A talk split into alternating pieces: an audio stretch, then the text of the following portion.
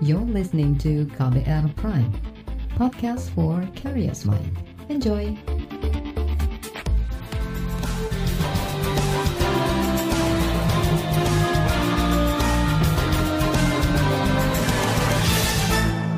Halo selamat sore saudara, apa kabar Anda sore hari ini? Kembali saya Reski Mesanto hadir di KBR Sore, hari ini tanggal 18 Oktober 2022. Saudara kasus pembunuhan terhadap Brigadir Yosua Huta Barat atau Brigadir Y kini telah masuk ke pengadilan. Kemarin, sidang perdana dengan agenda pembacaan dakwaan terhadap para terdakwa telah digelar di Pengadilan Negeri Jakarta Selatan. Para terdakwa adalah ex-Kadif Propam Polri Verdi Sambo, Putri Chandrawati, istri Sambo, Riki Rizal, dan Kuat Maruf. Sedangkan terdakwa Richard Eliezer baru menjalani sidang dakwaan hari ini. Kelima terdakwa didakwa dengan pasal tentang pembunuhan berencana. Selain itu, Verdi Sambo juga didakwa melanggar pasal merintangi proses penyidikan. Dalam persidangan, Jaksa Penuntut Umum atau JPU menjelaskan kronologis hingga motif pembunuhan terhadap Yosua. Antara lain soal peran Verdi Sambo yang diduga sebagai sosok yang merencanakan penembakan. Lalu bagaimana analisis yang bisa digali dari dakwaan jaksa terhadap para terdakwa? Akankah persidangan ini nanti mampu mengungkap fakta sebenarnya yang terjadi dan memberikan hukuman maksimal bagi mereka yang terbukti bersalah? Kita bahas selengkapnya di KBR sore.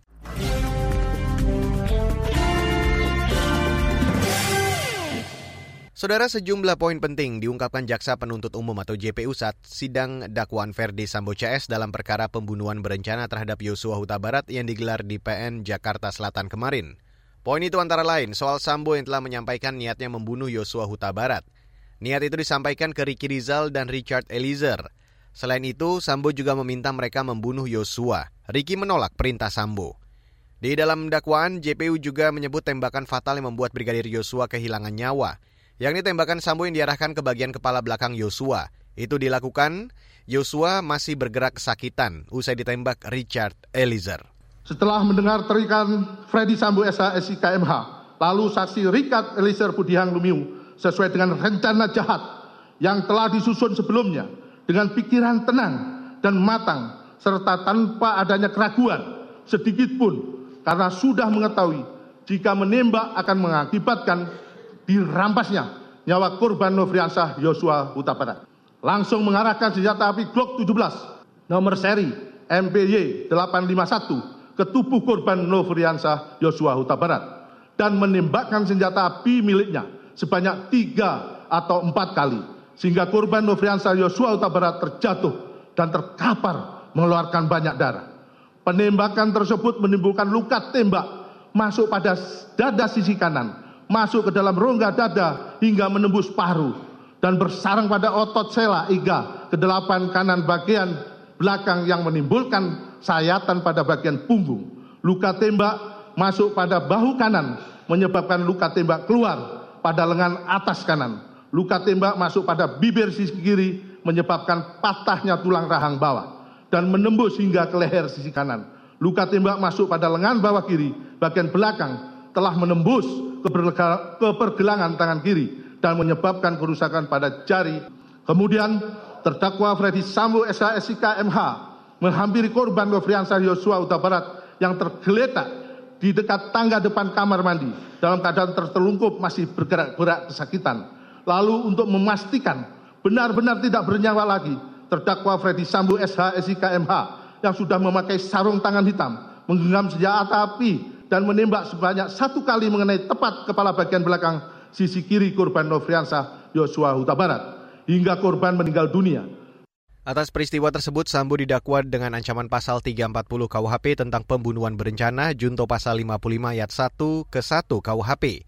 Dakwaan yang sama juga disangkakan terhadap empat tersangka lain, yakni Putri Chandrawati, istri Sambo, Riki Rizal, dan Kuat Maruf. Selain pembunuhan berencana, Sambo juga didakwa dengan pasal merintangi penyidikan petugas. Bentuknya ialah dengan memerintahkan anak buahnya menghapus dan merekayasa CCTV tempat kejadian perkara. Perbuatan terdakwa Ferdi Sambo SH SIK SMH tersebut di atas sebagaimana diatur dan diancam pidana dalam pasal 338 KUHP junto pasal 55 ayat 1 ke 1 KUH pidana. Kami lanjut dakwaan untuk sangkaan pasal 33 dakwaan kedua. Pertama primer bahwa Ferdi Sambo SH SIK MH bersama-sama dengan saksi Hendra Kuniawan SIK, saksi Arif Rahman Arifin SIK MH, saksi Cuk Putranto SIK, saksi Baikuni Wibowo SIK, saksi Agus Nur Patria Adi Purnama SIK, Irfan Widianto SIK, masing-masing dalam berkas perkara terpisah.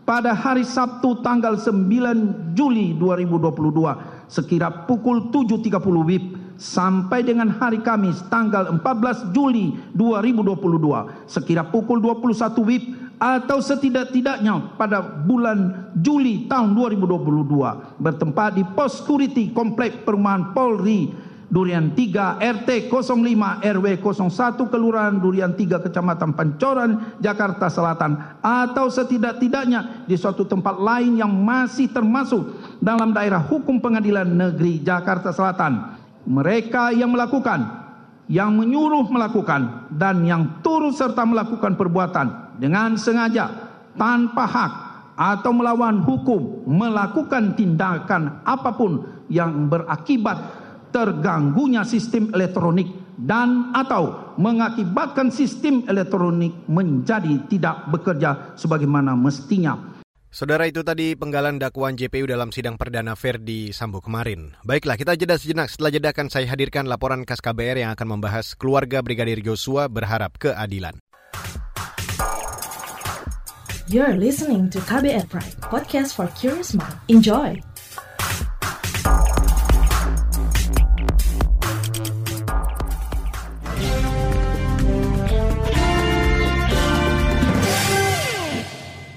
Saudara pengusutan perkara dugaan pembunuhan berencana terhadap Brigadir Nofriansyah Yosua Huta Barat kini memasuki tahap persidangan.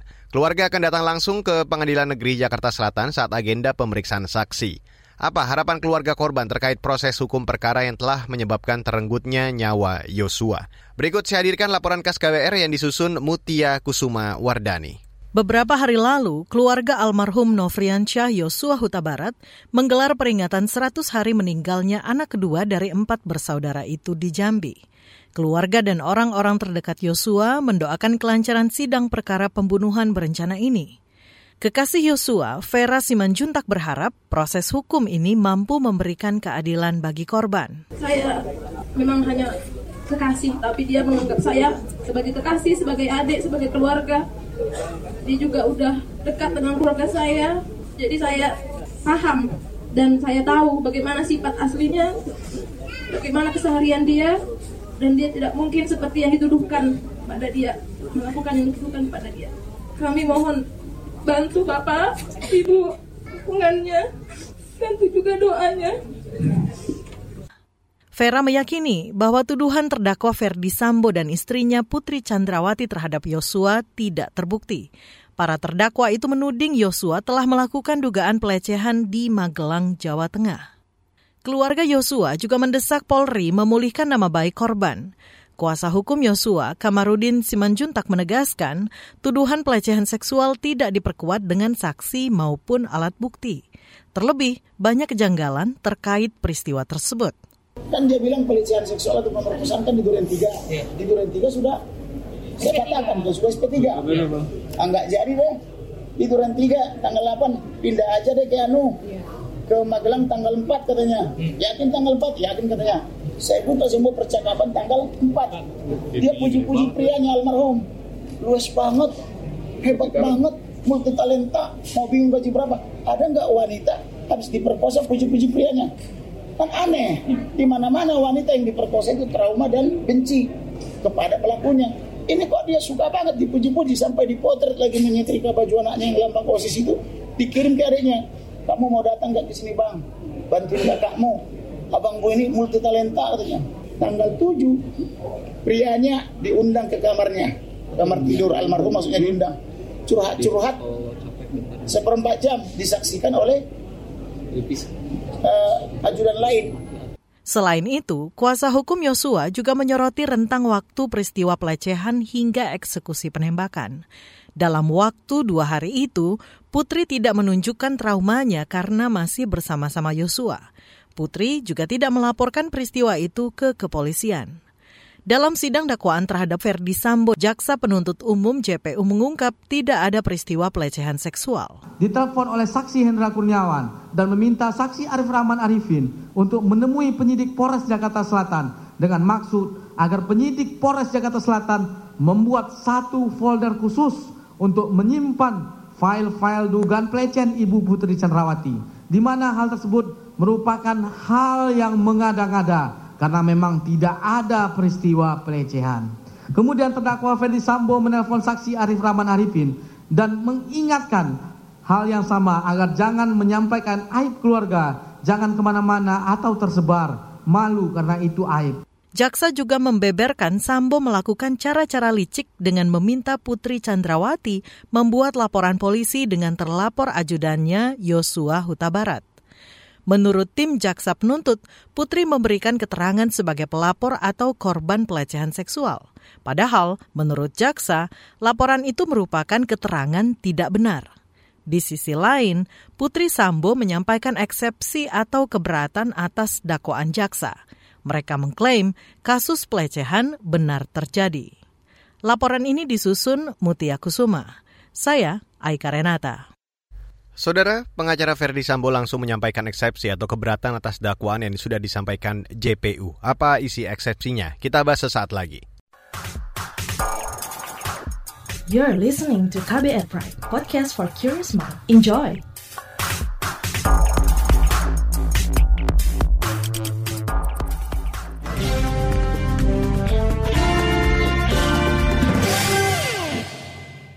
Saudara tim kuasa hukum Ferdi Sambo terdakwa kasus pembunuhan berencana Nofriansyah Yosua Huta Barat atau Brigadir J keberatan atas dakwaan yang disampaikan JPU.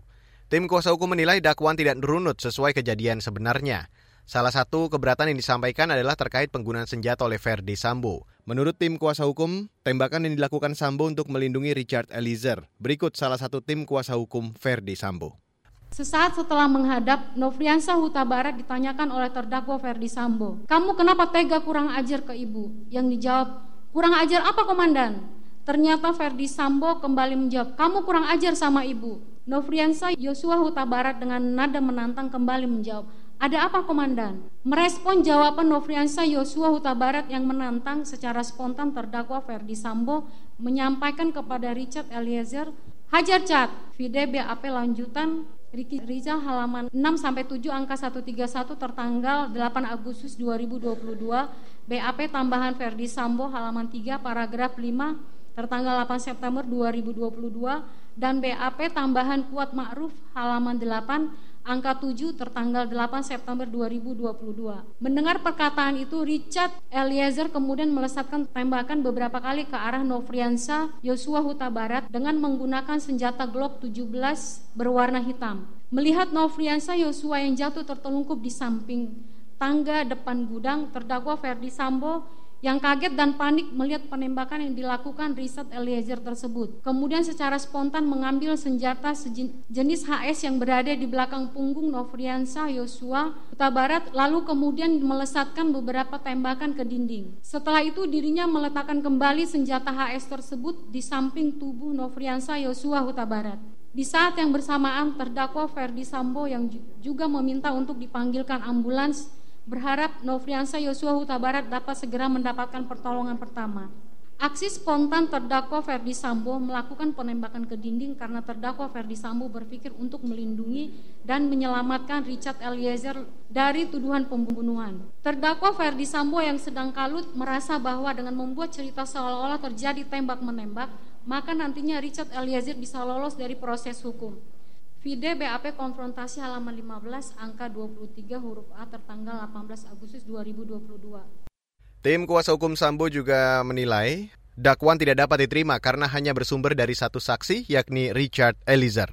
Isi surat dakwaan tersebut yang hanya didasarkan pada keterangan saksi Richard Eliezer Pudihang Lumiu mengakibatkan jalannya persidangan terdakwa akan menjadi bias dan tendensius serta merugikan kepentingan hukum terdakwa karena surat dakwaan sebagai landasan dan titik tolak pemeriksaan terdakwa berisi dalil-dalil yang kabur.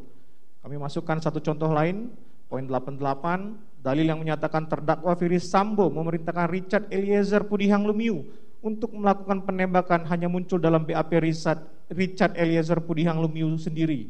Sementara dalam BAP terdakwa bisa dilihat dalam butir 6 halaman 3 BAP tambahan tanggal 8 September 2022 dan BAP saksi kuat makruf butir 5 halaman 8 BAP tambahan tanggal 8 September 2022 yang saling bersesuaian tindakan yang diinstruksikan terdakwa adalah jarcat. Namun tim pada hari ini sidang pembacaan dakwaan dilanjutkan dengan terdakwa Richard Eliezer atau Barada E. Dalam perkara ini, Richard juga didakwa dengan pasal pembunuhan berencana terhadap Yosua Huta Barat.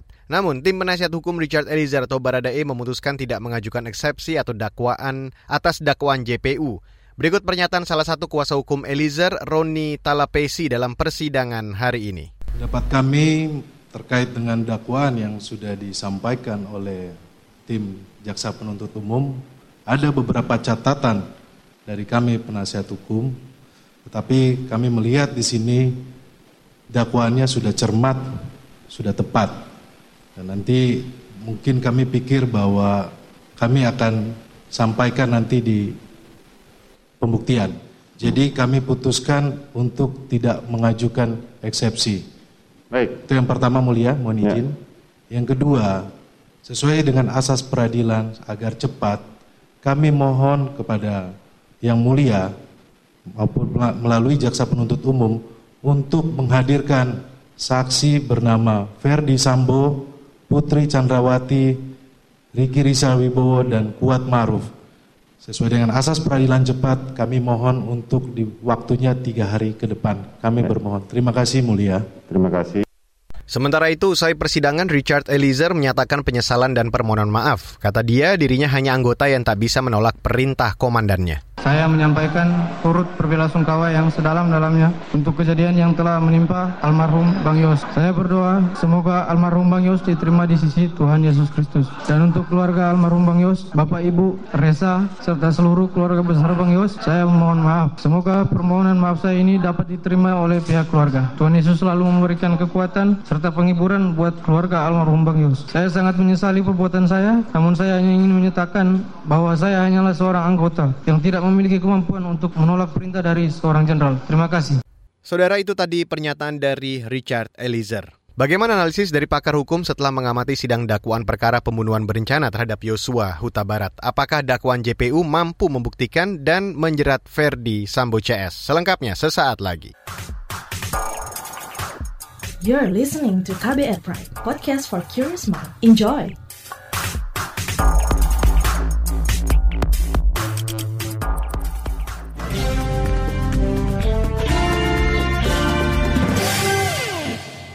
Saudara pakar hukum pidana Muzakir menilai ada peluang pemberian hukuman ringan dalam perkara pembunuhan terhadap Brigadir Yosua. Namun hukuman ringan itu kemungkinan untuk istri Verdi Sambo Putri Chandrawati. Kemungkinan itu bisa terjadi jika Putri Chandrawati bisa membuktikan dirinya adalah korban kekerasan seksual seperti yang selama ini ia sampaikan. Selain itu menurutnya dakwaan jaksa sudah jelas dan runut berdasarkan kronologi kejadian. Meski ada perbedaan keterangan dengan terdakwa.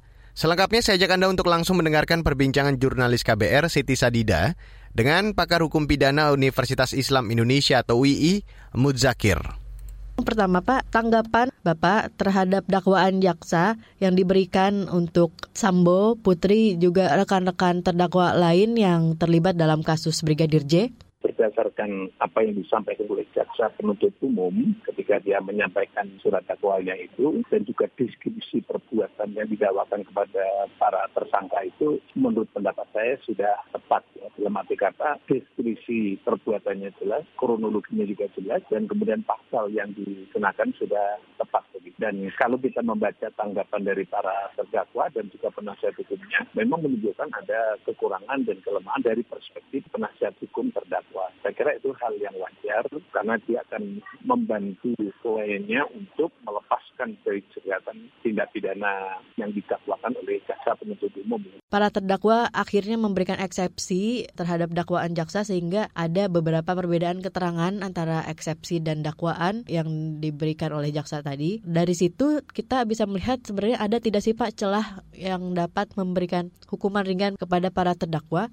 Fokus utamanya itu kan pada pembunuhan berencana ya dan pembunuhan. Kalau obstruction justice itu kan tambahannya dari pasca kejadian pembunuhan. Dan dakwaan jaksa itu sudah mendiskusikan perbuatan sebelum terjadinya pembunuhan juga dilakukan. Menarik dari perbuatan yang ada di Magelang, kemudian berada di Jakarta, entah di Duren Sawit atau di rumah dinasnya. Jadi menurut saya kronologinya sudah tepat begitu. Jaksa itu dalam menulis surat dakwaannya itu bukan hanya keterangan terdakwa, mesti harus mempertimbangkan keterangan saksi satu, keterangan saksi yang lain, alat bukti satu dengan alat bukti yang lain, barang bukti satu dengan barang bukti yang lain. Sehingga konklusi untuk membuat simpulan terkait dengan fakta hukum yang ada itu jelas berbeda dengan konteks itu. Itulah nanti menariknya nanti akan diuji di sidang pengadilan. Publik khawatir para terdakwa diberi hukuman yang ringan karena upayanya dalam sidang pengadilan ini gitu Pak. Nah peluang hukuman ringan itu diberikan itu berapa persen ya Pak? peluang itu kan ada kalau membaca da ba baki na shafi komiko kuma ji an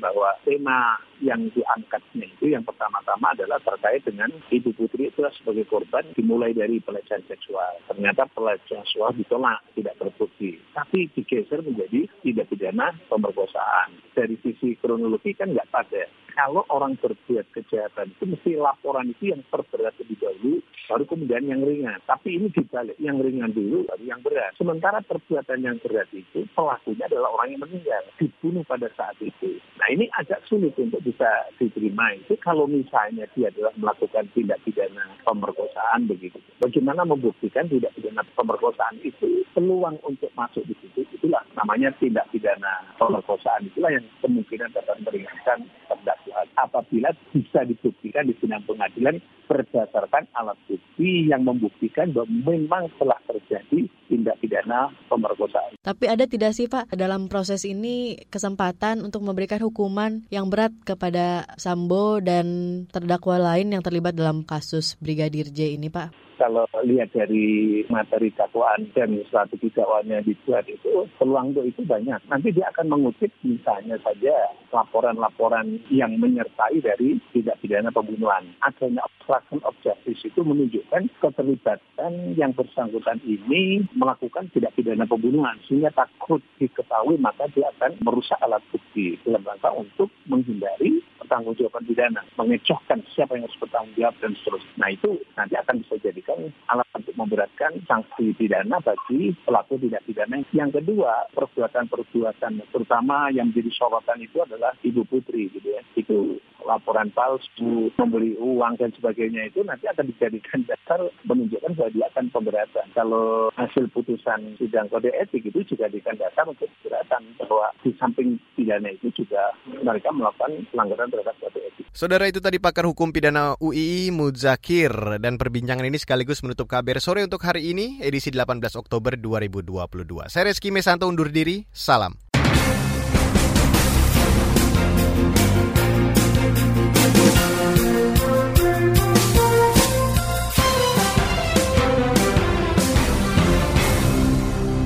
KBR Prime, cara asik mendengar berita. KBR Prime, podcast for curious mind.